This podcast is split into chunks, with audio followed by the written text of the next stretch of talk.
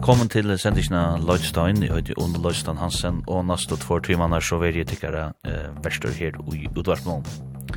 Jeg får spille nekka nødjan tøvna kvirdikon, som jeg har gjort sørste viken her, og um, tikk om at jeg tar nytt fra Mumford Sons, er tar samstarva vi Farrell Williams.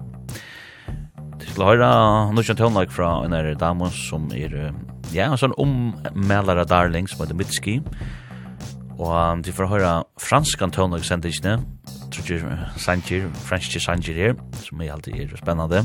Annars vil han ut fra Britney Howard, Cold War Kids, Adrian Lenker, Phosphorescent, Future Islands, jeg får spela Trudger Sanger, jeg har nødt til platen til Future Islands, som uh, er just kommet ut, og som er damer det vel.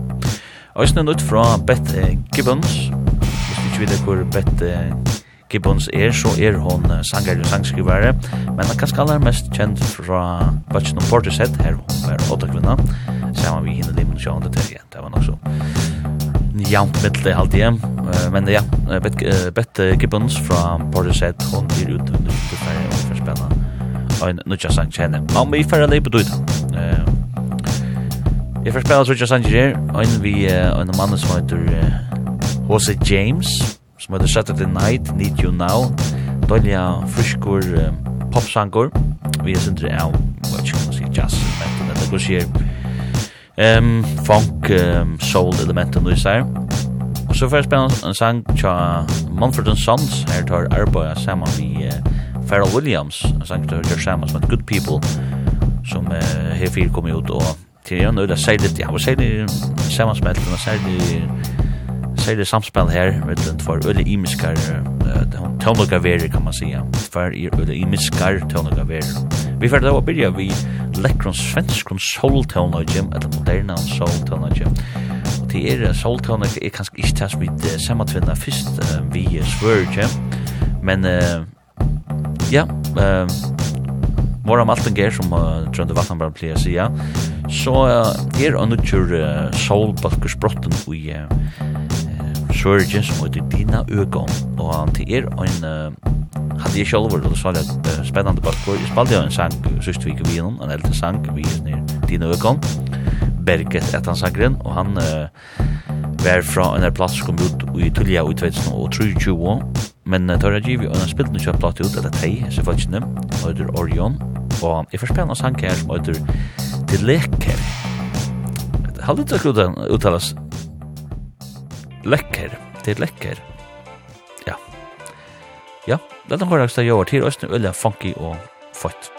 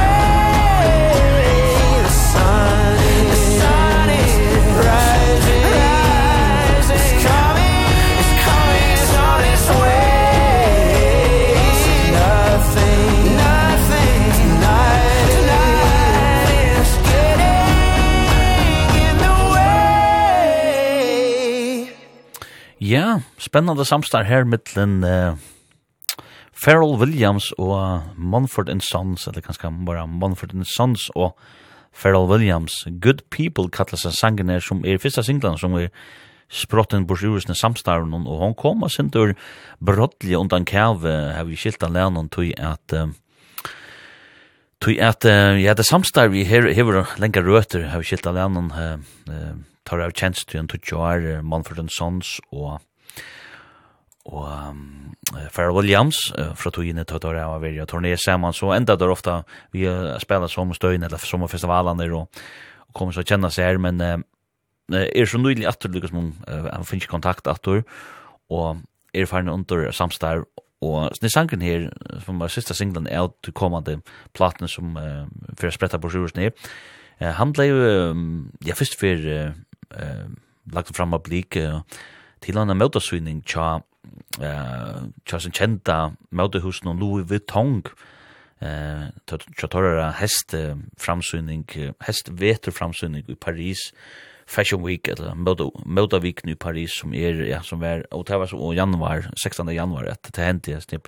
Sangen ble brukt til og jeg tror at han dømmer Heva Farrell Williams tatt samstar vi Louis Vuitton.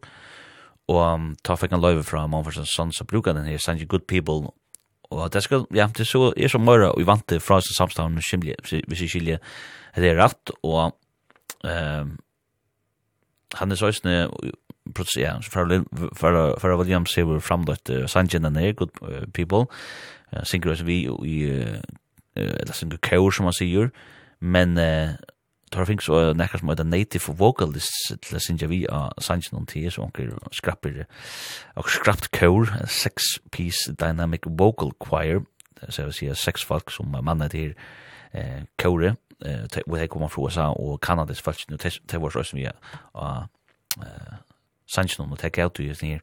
I halde man, man, man, man, man, man mest vel den her eh, uppruna opprona amerikanska stamme eh, jo, eller som man sier, indianer jo, som det er. Født, født, født. Det er spennende å høre bare fra sin samstand her, eh, mittelen Manfred Sons og Farrah Williams. Og så var det Arne, har du det eh, Sanchin, eh, Saturday Night Need You Now tja Jose, Jose James. Det er en donalig med over ur uh, Minneapolis i Minnesota i USA. 64 år gammal og spiller jazz, hip-hop, Neo Soul, og han uh, hever givet en, en, nudja plate ut som er 1960, nei, slags ikke, 1948 er det, eller hvis han ikke givet ut, så er han avvis, jeg halte visst han kunne komme ut, men jeg, jeg skal lukka tjekka det, og etter her er en produktiv med oss som, uh, som uh, hever spalt tøvnløk i nekvar, og givet nekv ut, Og gong rundt for å være et med sangskrivet, eller composer, det vil si, skriva tonløyk og tonløykar, og som band leader, det vil si, balka løyare. Ta er man ivrig, man er mer ivrig som jazz, og ta man tåsar om balka løyare. Men uh, det er øyla godt at det er uh, sangen er Saturday Night, uh, og så er han så jo Høyde Need You Now. Det første sangen vi byrja uh, sendingen vi, at jeg byrja, jeg vet ikke om jeg sier, jeg vet, jeg byrja sendingen av det var til leker, leker, tja, dine økon, som er en spennende nødvendig svenske balkur, som spiller soul, neo soul, eller kan man kalla det, moderne er en soul til han og svenskar er ganske mer kjent for pop, og ikke kjent for kjent for soul, men at du i ødenføren uh, fighter uh, tøvnløyker halvdje, og hans sangren uh, er finna, og Og han nutja plata tjas nir, nutja balkstun som høyder dine øgon, og hon høyder Orion, eller Orion, Orion, Orion, Orion, ja, um, Orion, ja, så sier det enskund så blir Orion. Og det som spiller vi er og uh, Anna Ann Lund, Og så er det Daniel Øgrin, Anna Annelund, hun synger, og Daniel Øgrin spiller gitar. Så jeg har det Love Ørsan, som spiller bass, og Kristoffer Castillo, som spiller trommer. Så her er sindre og Imeskon, og iblande av um, Imeskon uh, mentanon, det er ikke bare svengsta der, og det høres ganske atter ui, og enn sindre bare. Ja, jeg vet ikke. Uh, spennende uh, uttrykk. Nå, vi får av å gjøre Og det er vi det gjør vi en, en trim og sangen her som um, er et mer rockot. Jeg får spela en, ja, nødja sang til The Killers, som heter Spirit, som kom ut i uh, desember. Uh, heter en føyde sangur, og ja, man damer vel The Killers, har alltid gjørst, og den sangen, ja, minne meg synder om en sånn farna tog, jeg halte, han er bare bra, sånn nullar, øyla nek nullar, jo, noen ta i The Killers før i hatten, jo, det er det stadigvæk, men, men det, det er også en antatekur, nullar er jo vissar inn i 20 her. Og så får jeg høre en sang til og en uh, tøndesmann som heter Baxter Dury, uh, og til er en ønskmauer, og sangen kallas for Leon, og han får hjelp fra en er dame som heter uh, J, uh, J, G, uh, J, Jerry, J, Jerry, ja, halta skudda så sånn her. It's known the blue, known the blue by Meshley, Meshley er alltid vi har, og nå skal man, ja, ja, så skal den huksas fonetiskt allt möjligt. J. Gerry, J. Gerry, Gary, det var ikke det jeg skulle si. Nei, nei, no. J. Jerry, alltid. No, anyways. Leon og det sangren, og at her så er det spoken word, nok så fort alltid, eh, som man tykker gleder deg til å høre. Det første er vi en øyne vi en ønske om balkje som heter The Urban, The Urban Foxes, og Så den balken her er... uh, og rett og nødt balkor, jeg kjenner ikke nek, nek til han, og etter en av balkon, du blir nesten svekker i hesten, og du finner nærmest ikke nekka kunnig om balkon, altså, du lukker vi det sjølt, at er, jeg kan gjøre, jeg kunne gjøre, jeg skriva til, tora jeg gemme, eller spørsmål sin inn til hver det er, til at jeg finner ræva lyd om balkon, utan til at han er i London, og tar gåan og plate ut, og i, i um, fjør som er at um, talk the talk, og til henne som er at man spiller sange av, og ja, men då var sån en ja, det her er jag också det var en lösning out du. Eh det är sånn som blandar post punk vi spoken word vocals. Det är det mindre syndromet test er för höra så att när vi vi är Baxter Dury.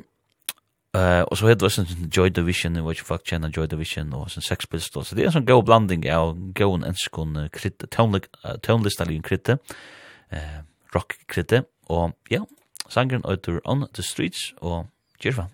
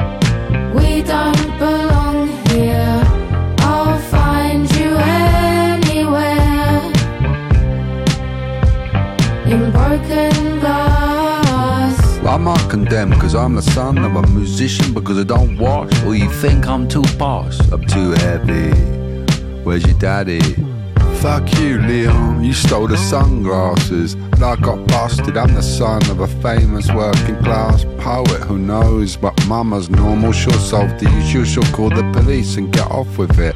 I'll go back to school and everything will be normal. Porridge in the morning and be normal. I'm afraid we cannot contact your parents. Okay, sit in the same cell and don't you stay where fucking Leon is.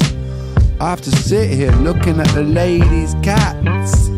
Fuck that somebody lives in Saint-Tropez What am I gonna say?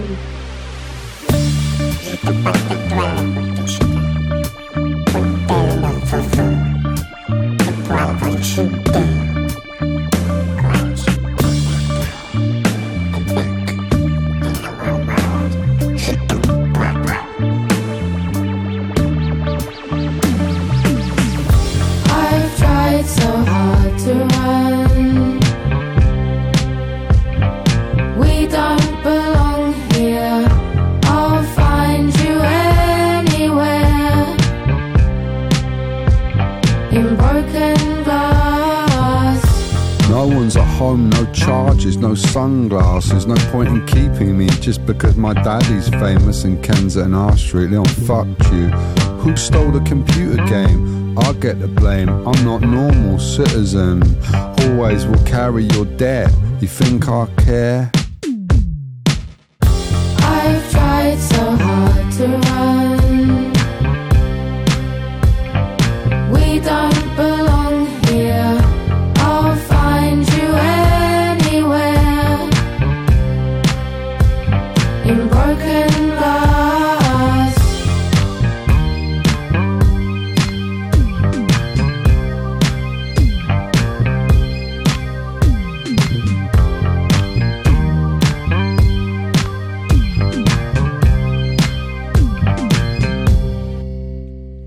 er rettelig fått at her, hvis jeg skal si det selv, hvor det skal jeg, sitte her og er det verste for deg nå i sendingen i Lloydstein. Og at det kalles for Leon, uh, som sanger her, og den som framførte er Baxter Dury, og uh, han fikk hjelp fra en som heter J. J. Gary, eller J. Gary, nei, J. Gary, Gary, Gary, ja, ja, ja, ikke oppa den navnet her. Ehm um, og at her så sangna finna ein der platta som kom ut i 2003 som heter I thought I was better than you. Og as the we're in here eh Baxter and Derry er 22 år gammal og kjemur ur Wingrave i Buckinghamshire i England og um, tonlagen her er sånn new wave indie rocker alternativ pop um, post disco er også brukt her man säger man kan ge vad tonus en imsk spjaltor men eh men det väl det var som spoken word even to och spännande nytt rätta nytt för mig eller fullkomligt nytt för mig för helt ärligt och och ja to hate that we here och Aron tar då text Baxter Dury så har vi The Killers vi sanns noen spirit en sanger som en singla som torka vi ut i december då är det sanger alltid mm, öliga sån retro då först öliga sån här nollara uh, vibes av honom. Det vill säga att uh, ja, du först också om uh, Tonnage kommer fram i nollon eh så du hör att det är till till rösten så man ser um, sån en sån hot to cha cha the killers men tar ju vision en, tar ju vi sen då är det balken ur Las Vegas i USA. Og det første som James spalte, det var engst, det var London, og det heter The Urban Foxes.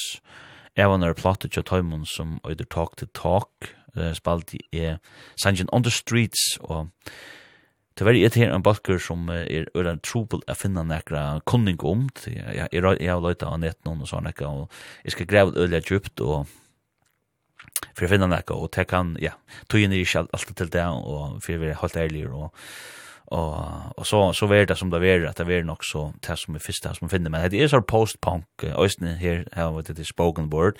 Det är närmast ischika upplästor och eh alltså näkt no Spotify så så eh vi så til Blur eh Joy Division og sen drar Sex Pistols så at det er man sier indie ta meira indie passion ja en skon et skotonliga søvn som tar vissa tid la seg det Joy Division er jo en var en post punk balkor og blur er jo var jo passion brit pop bilgene med Sex Pistols var Rinders guy punkar fra mitt i 70 Så eh men man dem då väl och det var inte jag läser runt av funnits under kunde komma på balchen och nämnde angsten att det skulle vara en farnar upplöst långt nu om ta ta vånus sig att det var en lovande men man må ikke i røyne finne det kvätt vänder opp på nye tjat i urban foxes. Men det dolda höra sort retro det det var det neck in altså alltså framme på en nu at det skal gå med tonlaga slå vet jag ända för at det ganska eh man har nästan en country pop for all fjersen, og til jeg jo vil nek brukt at nå, har jeg ofta, og ja, stått litt. Ja, vi spelar tror jag Sanji nu, nu är det, nu är det faktiskt att country, eh, amerikaner country. Spelar nu just Sanji cha Vaxa Hachi, eh, som är en donald i tøndeste kvinne ur USA, som heter Right Back to It, här omfer, eh, hjelp fra en som heter MJ Lenderman. Jeg får spennende sang til som heter Jamie Wyatt, Feel Good, og at det var et navn, ja, til er det som stemmer fra Wyatt Earp, simpelthen hun er oppkattet etter sånne legendariske sheriff noen. Eh, det første vi er til, uh, vi er under sånne her, eh, damen som spiller under navnet Mitski, hun er øyelig, øyelig nekker røst. Jeg men til røstene um, er det simpelthen, eller anfallt årsøk at hun er øyelig Donali Mitski. hun er en sånn, man kallar sånn ommelder darling. Og Hon heter Mitsuki Miyawaki, men spiller navnet Mitsuki, og er amerikansk, sangare sangskrivare. Og 33 år gammel er hon, og hans sang som er for å spela um, til henne, han øyde til Frost, og jeg held sjåver at det er en øyla lekker sanger. Nå er allest færa fra Frost, noen inne i ganske synder lutsjer tøyer, eller lutsjer tøy, og er noen, men ja, ja, bojene og bojene og bojene og vetren her, ikke ordentlig givet opp enn, det blir ofta vera kavi och, och, och frost ja, hållt fram till maj månad så vi må helt ikke lukka som selja det kinni og er en handan bjøtten i skåten.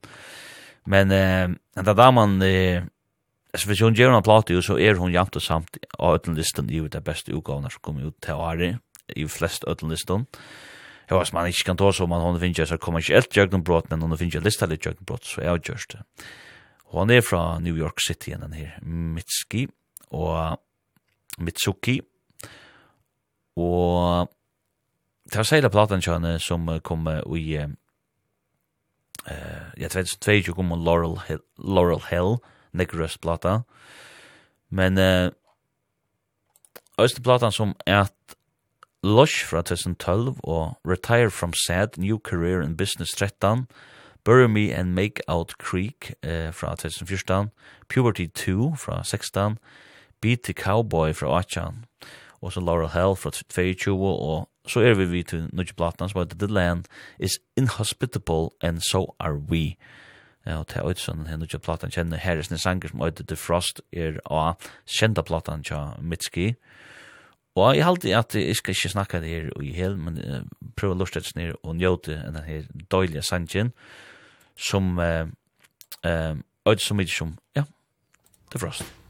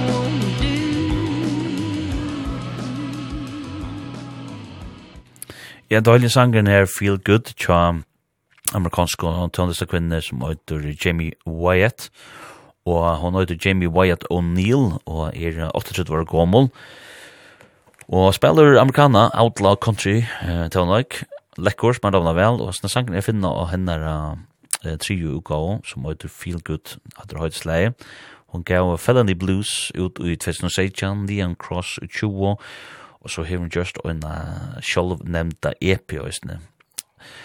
Men uh, det som jeg har hørt fra seg er, er lekkert i affæra at uh, bare jeg vil øre sangen fra henne fyrt kun. Og det, ja, jeg vet ikke. Vi har en halvtid man blottnar og sender og man blir da man bedre, bedre country. Altså, jeg kjønner at det skal være godt country og særlig outlaw country, da, da er jeg ofta rela vel vi. Men amerikaner da man var rela vel. Så det er ikke sånn, og det er ikke sånn at jeg har ikke spalt det til slag tonelage fyrt, her har vi spalt det nekve og i sendingsne. Men uh, lekkost uh, her. Og Arnold hørte oss her Jamie Wyatt, så hørte vi vidt uh, uh, Donald Judamen som spiller navnet Vaxa Hachi. Det her er Østene som country americana. Sangre kalles for Right Back to It. Her han fikk jobb fra henne som heter MJ Lenderman. Og men den her Vaxa Hachi, hon er uh, Hon er også en spennende dama uh, ur uh, Birmingham i Alabama. Indie rock, eller indie folk tøvnlag uh, spela skal han spela. Eller det er vært noe som uh, balka som tøvnlag kjønne. Og uh, hon øyde, ja, hon øyde Katie Crutchfield. Den her uh, daman er født i 1924, og det gjør han vel til uh, gamla blod som blir hun så, blir hun vel 35 år gammel.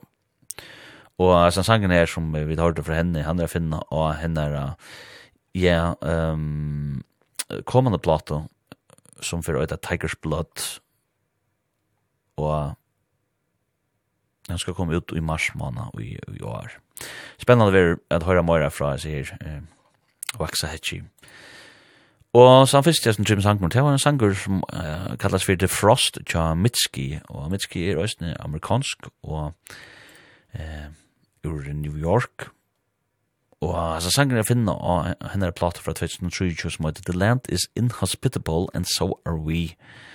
Det kjenta platan tja hese her Donalie sangaren og sin Donalie sangaren og sangskriveren og hon er alt og jant og samt å finna og öllun ivliden iver beste ugaur hon gjevna ekki ut er, ja hon er enda blir skort uh, beste unge sangskriveren i USA er jo veldig gode enska tonelaga blæna satiren til det godt nok blæ The Guardian men det gjør ønlig vi tonelag og og men jeg fyrir ofta inn av The Guardian for at fyrir vi tar det ehm teknisk av tonelag og at the tonelag i røver og ja så det er ikke det er ikke det er ikke hissen av, av skotsmann jeg får Nå, hon røsten ja ja nemli ja. Hon røsten vi vi at uh, skriva sang som heter This is a life som var vi filmen on everything everywhere all at once som vann ehm eh an Oscar fyrir besta sang besta originala sang og at han filmen vann så røsten an Oscar fyrir besta besta film. Ja. Vi får Vi får spela trutja franska sanger her, og let meg være pura, pura, pura eh, ærligur her. Hette her er såar som eh, er eh, kommet til mun eh, jøgnum Spotify, hvis du sitter lust der Spotify, og du byrjar en uh, lust etter onkron avison, så fer uh, skipan og rull, og så blir han å finna sanger som hon heldur kanskje passa til det som du akkurat lust etter, eller det som du hører lust etter, det som man kallar for algoritman. Um, og så blir han at uh, føra med tøvnlag som, uh, som hon heldur med damer, og, og, og jeg blir bare bara damer til uh, fransk og sanger som brottelig kom ut kjøkken, eller faktisk det har alltid vært i ørebefannet kjømmer. Og det var en sanger uh, som heter Silence, kjønner som heter Chaton, eller Chateau, Ja, så gjør man det. Jeg man har haft tro gjøre franskund, hvordan jeg har man lært. Um, og til en sted, for akkurat den sangen er nok så stått litt, stått litt døme på at den sangen pjøs jeg vil ha trutja minutter, eller trutja en halva minutter, så du kan gjøre en fantastisk sang på en minutter. Sangen er, uh, ikke bare en minutt, men han er fantastisk flottur. Så først ble en sang til Øyne som heter Clio, uh, La Belle Affaire, Men det første var vi øynar som øyder, ja, nu har vi, jeg slett det opp, be, be om uh, uh, hjelp til uttale til, men jeg har langt glemt at jeg må færa, jeg må færa prøve uh, prøve med en sangerkøyre, så skal jeg prøve å få det rødt til uh, uttale, men Saho uh, di Sagasan, uh, Sagasan, uh, og hans nye sangren øyder uh, Les Dormat, Dorma, Dorma, halde jeg. Ja, frakslæren har ikke vært erin enn bare nå, men men tjekka det ut et lekker tøvnlager sjalt meg ikke, som jeg, sjalt meg er myrdig, myrdig tøvnlager vi med den der vanlige franske uttalen. Så, kjørs vel. L'amour qui fait tomber les cheveux, l'amour qui nous bande les yeux, l'amour vendu au plus sensible par des putains l'amour qui nous fait croire que lui c'est eux que ça ne sera jamais mieux l'amour qui nous rendra peureux même des plus belles histoires à deux. Même des plus beaux amours heureux. Mmh. on a beau croire qu'on a gros caractère ah, ces gens-là ont beaucoup de savoir-faire. Si tu veux pas rester bloqué Comment savoir que t'y es alors que l'eau est bleue Et que les oiseaux se font rares.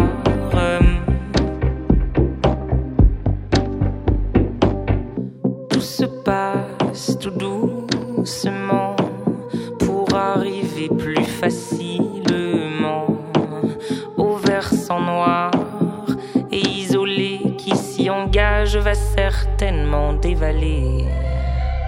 L'amour les cheveux l'amour qui nous bande les yeux. L'amour vendu aux plus sensibles par des putains de vicieux. L'amour qui nous fait croire que lui c'est eux que ça ne sera jamais mieux. Oh oui l'amour. Ces gens-là sont du genre très beau parlera la guicheur l'allumeur le séducteur. T'auras beau être être en train de chialer depuis des heures Monsieur te prêtera des erreurs, lui qui n'en fait jamais d'ailleurs. Tout se passe tout doucement dans ses murmures Le serpent et après la colère, il vous jure Que ça c'est l'amour, l'amour ça rend fou, il en est sûr. Oui ça c'est l'amour, l'amour ça rend fou, il en est sûr c'est l'amour, l'amour ça rend fou et j'en deviens sûr. L'amour qui fait tomber les cheveux, l'amour qui nous bande les yeux L'amour vendu aux plus sensible par des putains de vicieux L'amour qui nous fait croire que lui c'est eux, que ça ne sera jamais mieux.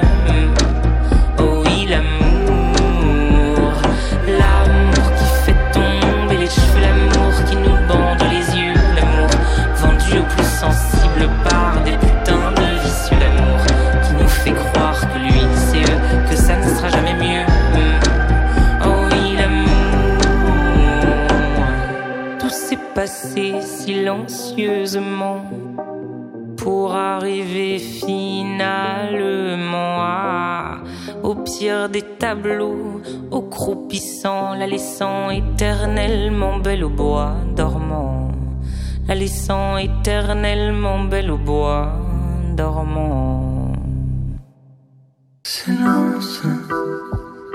J'entends le silence. Mon ombre se perdue dans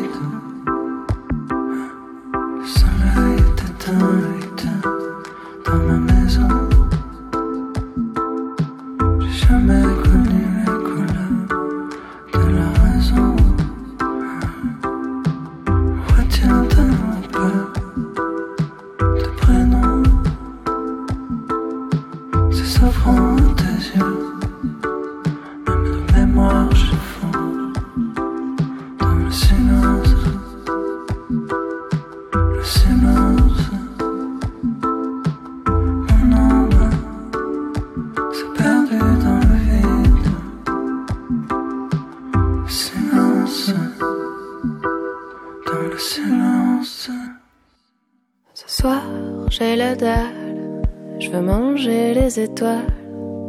Je descends dansant, je me fous des passants. Tu vois, j'embrasse tous les garçons qui passent. Ce soir, tu rigoles, c'est moi qui conduis la bagnole. Ce soir, je sais tout faire, oh j'ai tout fait hier. Ce soir, je respire, ce soir, j'ai le sourire c'est beau, c'est bon, ça va, ça va ma nuit sans toi, ça va ma nuit sans toi. Tu vois, c'est beau, c'est bon, ça va, ça va ma nuit sans toi, ça va ma nuit sans toi.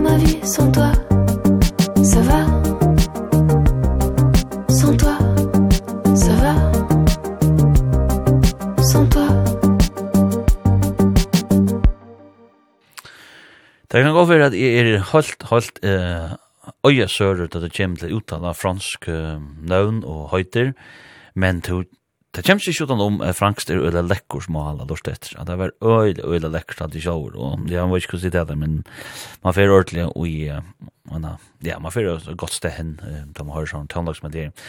Så uh, sørste sangren, han kallas for uh, La Belle Affair, tja Clio, og uh, ja, Så er det her Query Clio.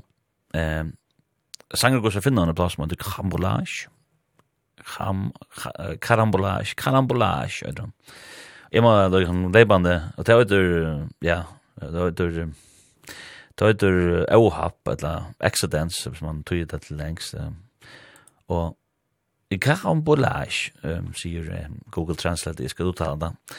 Men uh, for et sangår, så er det her um, uh, unge damen her, som er pura nødt for meg, Clio og Drone.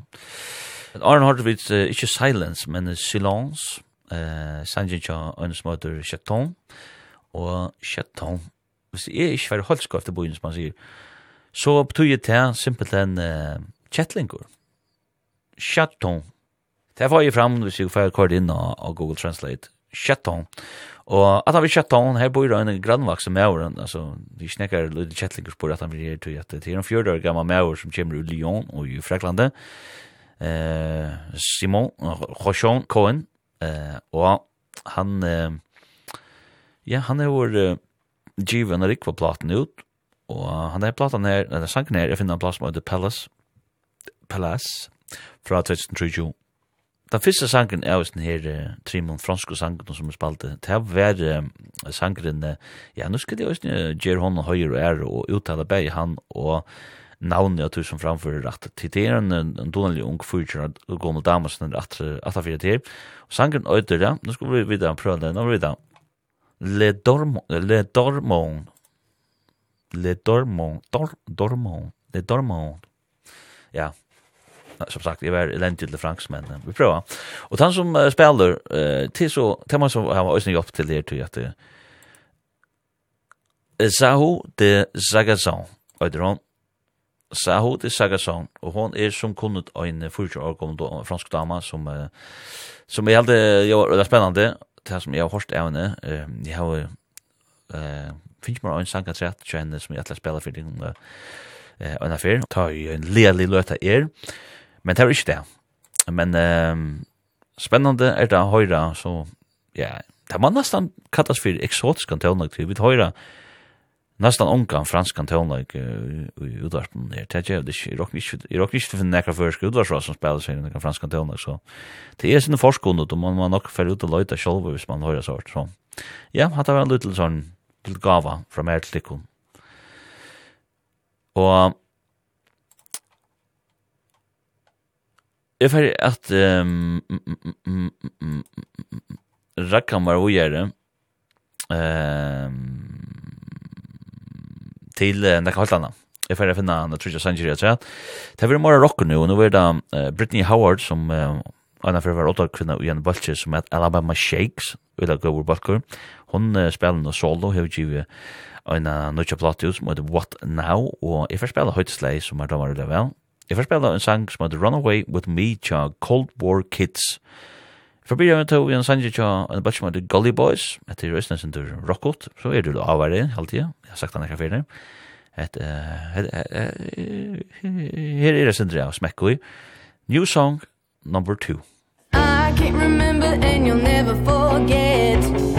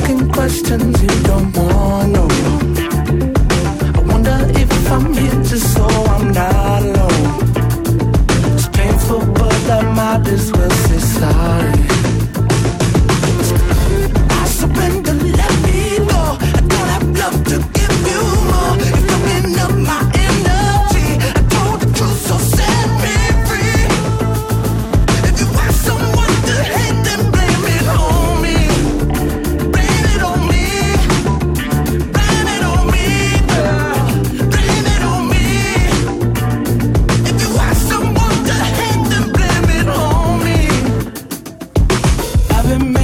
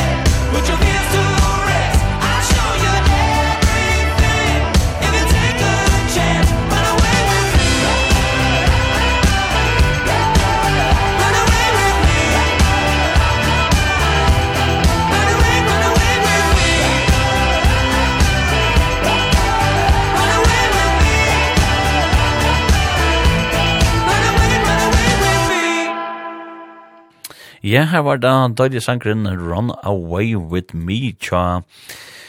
Var ikke noen uh, Cold War Kids, og til er en bøkker ur uh, Long Beach, California i USA, spiller indie rock, og snær sangen her er finna av platene som um, tar gau ut i uh, 2023, som uh, er uh, sjålnevnt, uh, Cold War Kids, og jeg tror Og Ja, så det var friska, frisk rockdown det her. Eh, aldri sjåre, døyligt.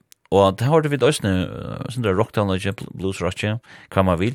Har vi fra Brittany Howard, sangen kallas for What Now, og jeg finner plater vi samme navnet. Og han er Brittany Howard er en uh, superdonald i 35 år gammel dama ur Athens i Alabama. Og spalte jo brunna vi en super uh, fight om bølse som at uh, Alabama Shakes. Og um, den bølgren, ja, Stendet la vera ui hei eitus, det blir henne fer nu hi, dvela. Eh, stendet ikkje henne bøynas er, er Givin, men hon spelar så nu uh, solo, og den er Brittany Howard, og ja, det gjør hun vel, hon spelar vel, uh, hon klarer seg øyla vel, og hon hever, uh, som kunne give uh, tverplater ut som solo, eh, Shami, Shami, eh, fra 2019, og så er What Now fra, fra nu i år.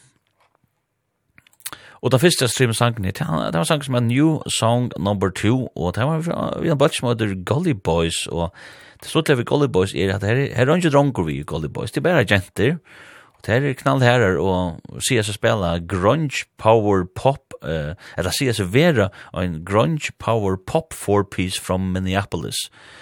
Og ja, men det er så, kvisk det, um, knallhärst, dåligt. Uh, vi är sindra av damon som spelar, spelar rock. Og Esna snakker sangen her, han er ikke bøyna snutjeres nere som vi spalte vi Golly Boys. Han stemmer fra under uka som er Fony som kom at det var en epe at den kom ut at i 2000 og jeg halte det var Sejan hvis ikke det er ikke feil. Og ja, og det er så, så nytt en nytt uh, bekjentskap for meg, jeg lurt nek vetter enn utlandsras som, uh, som uh, er heimahørende i uh, uh, St. Paul og uh, Minneapolis. Uh, han er nok mer i St. Paul enn, en, en, han ligger i St. Paul, ja. Det kallar det for Twin Cities, du sitter i ja, byen er og vaksne saman, og det spiller han ikke lokalan til akkurat som vi gjør her i utlandsrasen og nøysene, og Ja, og det har jo så at det, det, man sier, det leker i ur i og jodvar fyrir jøysten til jeg lust etter tog og hvem vimmer. Så det har jeg faktisk rett og nekvann til tålnok fra Minneapolis og eh, St. Paul og i, i Minnesota i USA. Eh, Gavis bare sier at det er gode tålnok det spiller i ur. Stersk tålnok tradisjon. Nå, vi får gjøre nå, vi får skru av tempo i halvt nye, nå kunne vi være halvt rødlig, Eh, nu är det öliga behejligt och läckerst. Det vill ta röna. Inte öra gas eller öra vox. Det vill ta röna. Man kallar det för ear candy. Eh, gocka att för öronen. Jag får spela en sang, nu sang tja en mann som spelar under namn Phosphorescent. Revelator kallas det kallas det nu sang tja honom. Spela en sang tja The Secret Sisters. He's fine. Det är sån amerikana kontratenlagur. Eh, Fyrst av er to en døylig nudje singla fra Adrian Lenker, som uh, er kjenner fra Batchen og Big Thief, en av størst og indi balkon om løtne, veldig veldig gau balkor. Hon gjør oss nekv såle Adrian Lenker, og Sadness as a gift, for et høyt i halvtid, er at man skal ansette det, eller bruka, man sier, sorgblutne til å skila godt, ehm um, og lære av det ganske helt enn man lette køve og inn. Så, ja, kommer her. Two, one, two, three, four.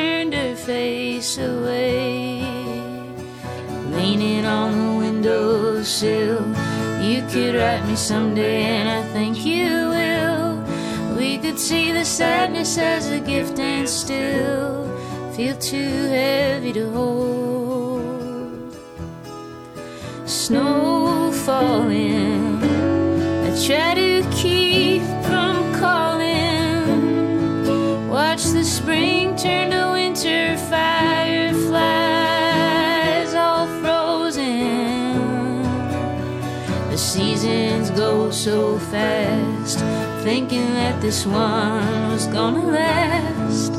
Maybe the question was too much to ask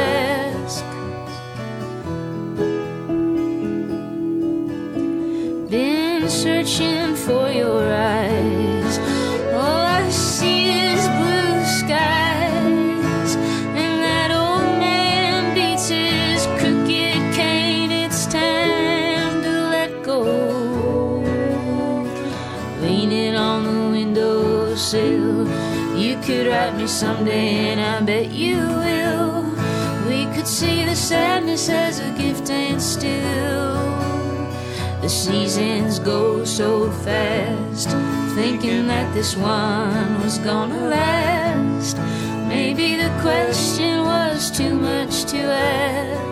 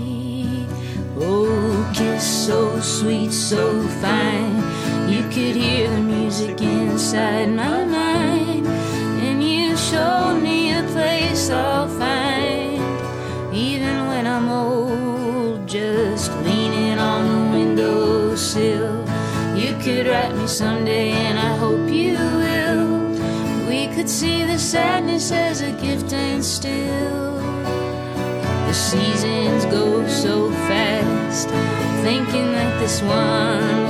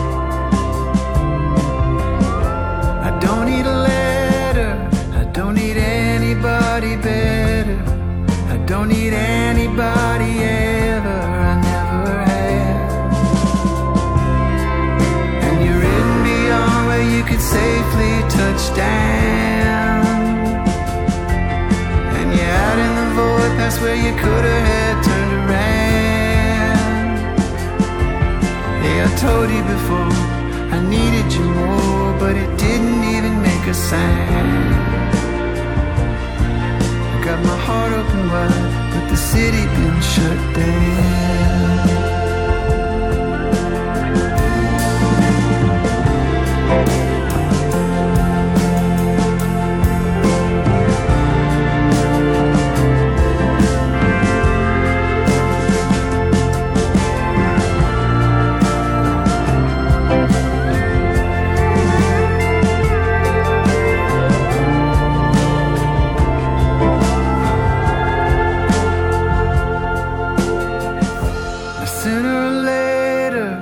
just an empty elevator Just the song of the revelator on every floor. Now How can I get it right? I don't even like what I write. I don't even like what I like anymore. But I'll stand in the yard and watch the evening shuffle the cards when all the idiots come around. Yeah, I told you before I needed you more But you didn't even turn around. Got my heart open but But the city didn't shut down. I got my heart open wide But the city didn't shut down.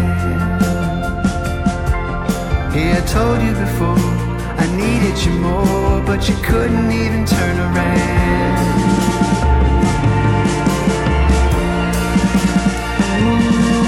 Got my heart up in my the city been shut down.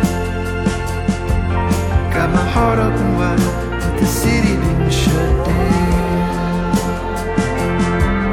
Got my heart up in my the city been shut down. heart open wide. The city been shut down.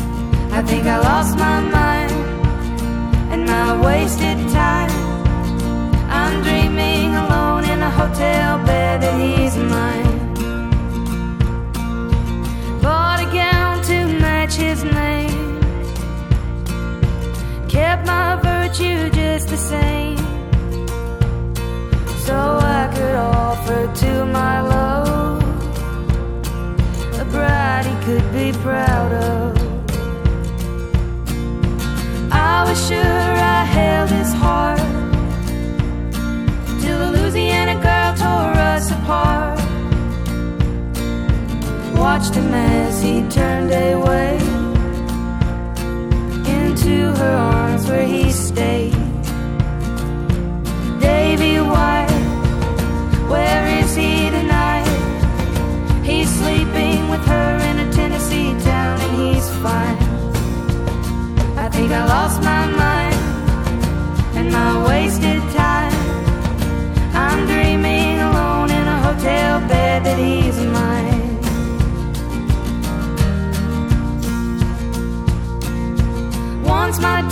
years had all run out I learned how to live without Pieces left behind and told I took to the hard road.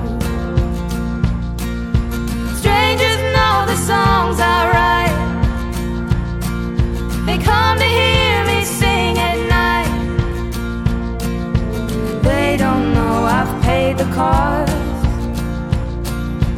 They don't know what I lost. Davy White, where is he tonight? He's sleeping with her in a Tennessee town and he's fine.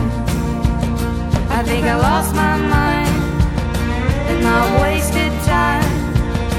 I'm dreaming alone in a hotel bed that he till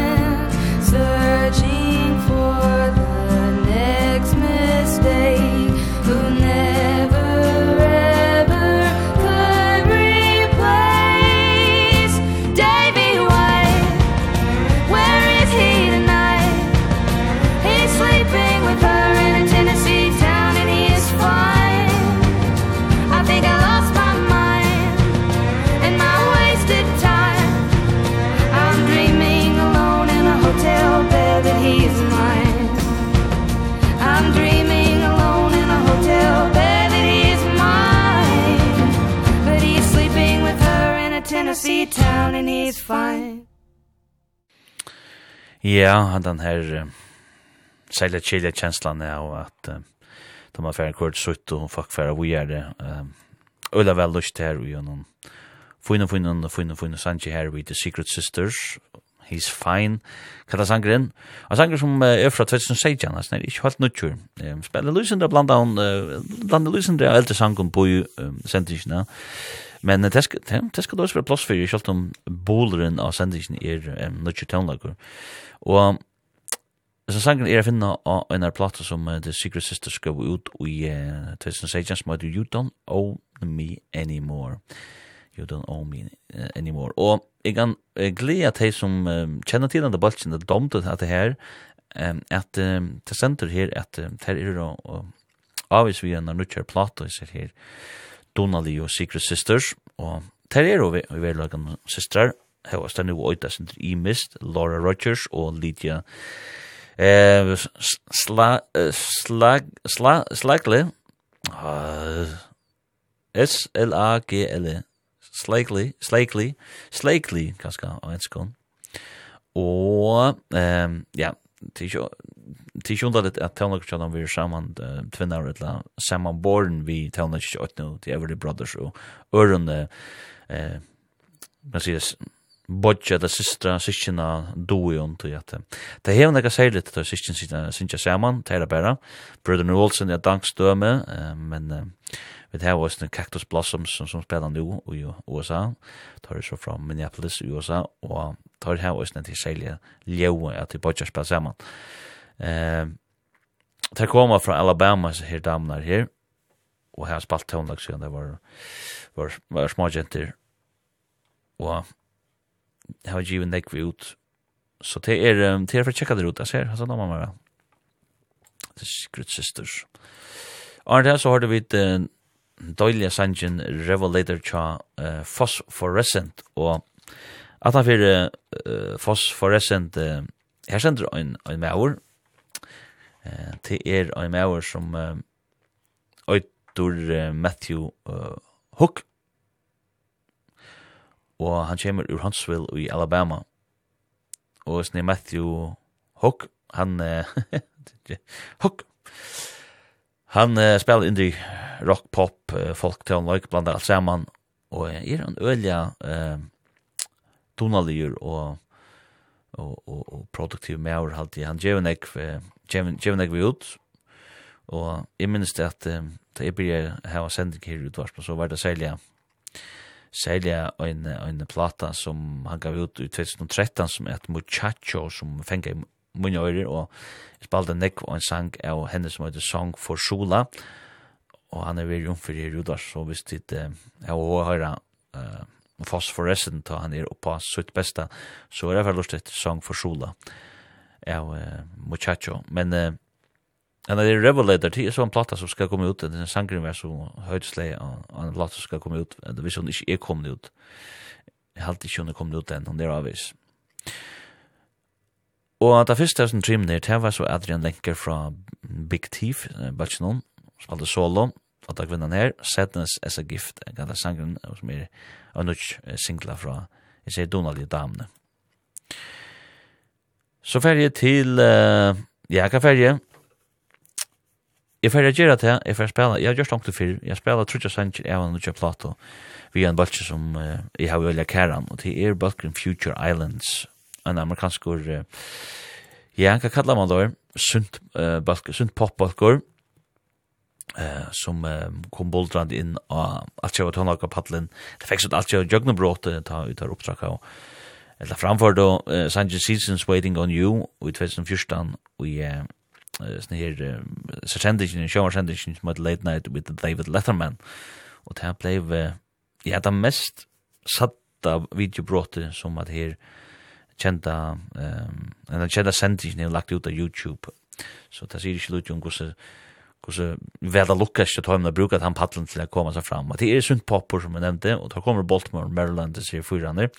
Tar er det fyra, da er det Garrett Wellmers, og William uh, Casino, Casino, Casino, Casino, rock det skal være.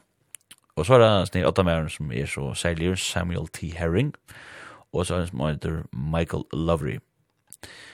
Og ja, nu er platan, tja damon, som uh, øyder så mye som uh, uh,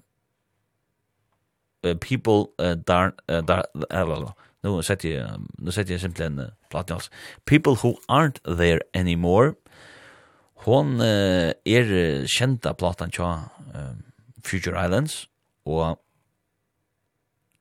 og hon er skriva og tisin opp i Ringas Korontøy mittlen 2020 til 2023 og uh, det er en break-up plata på den måten at hon lyser uh, gosse i uh, samløyve tja snir Samuel T. Herring eh, som eh, ikke slapp av være saman vi som noen partnere eller meka som døyder eh, han er samkjenner eh, hos det for opp i røyk hei nær sagt eh, årsak av lockdown og covid-19 det klarer ikke det eh, fjærstøvna og, og, den, og ja, hun lyser simpelthen eh, til til ja, hva kallar man så? Det er ikke prosess, jo det er det vel, det er vel en en process att en tillgång alltså det är något som händer och hon lyser det som det ta ferna som han fyrir jöknen her. Så det er en, en break-up platta. Jeg får spelat jeg tror ikke jeg sanger her i Jotamund, jeg får spela The Tower, jeg får spelat som en Peach og King of Sweden. Og ja, det må være, hvor jeg nevner Swerge? det må være vise vel til at, ja, jeg skal ikke blanda meg på i det, jeg skal ikke bli forklager på hvor jeg er en sanger The King of Sweden, men eh, godt er dette, og det gjør sånn her. Du bara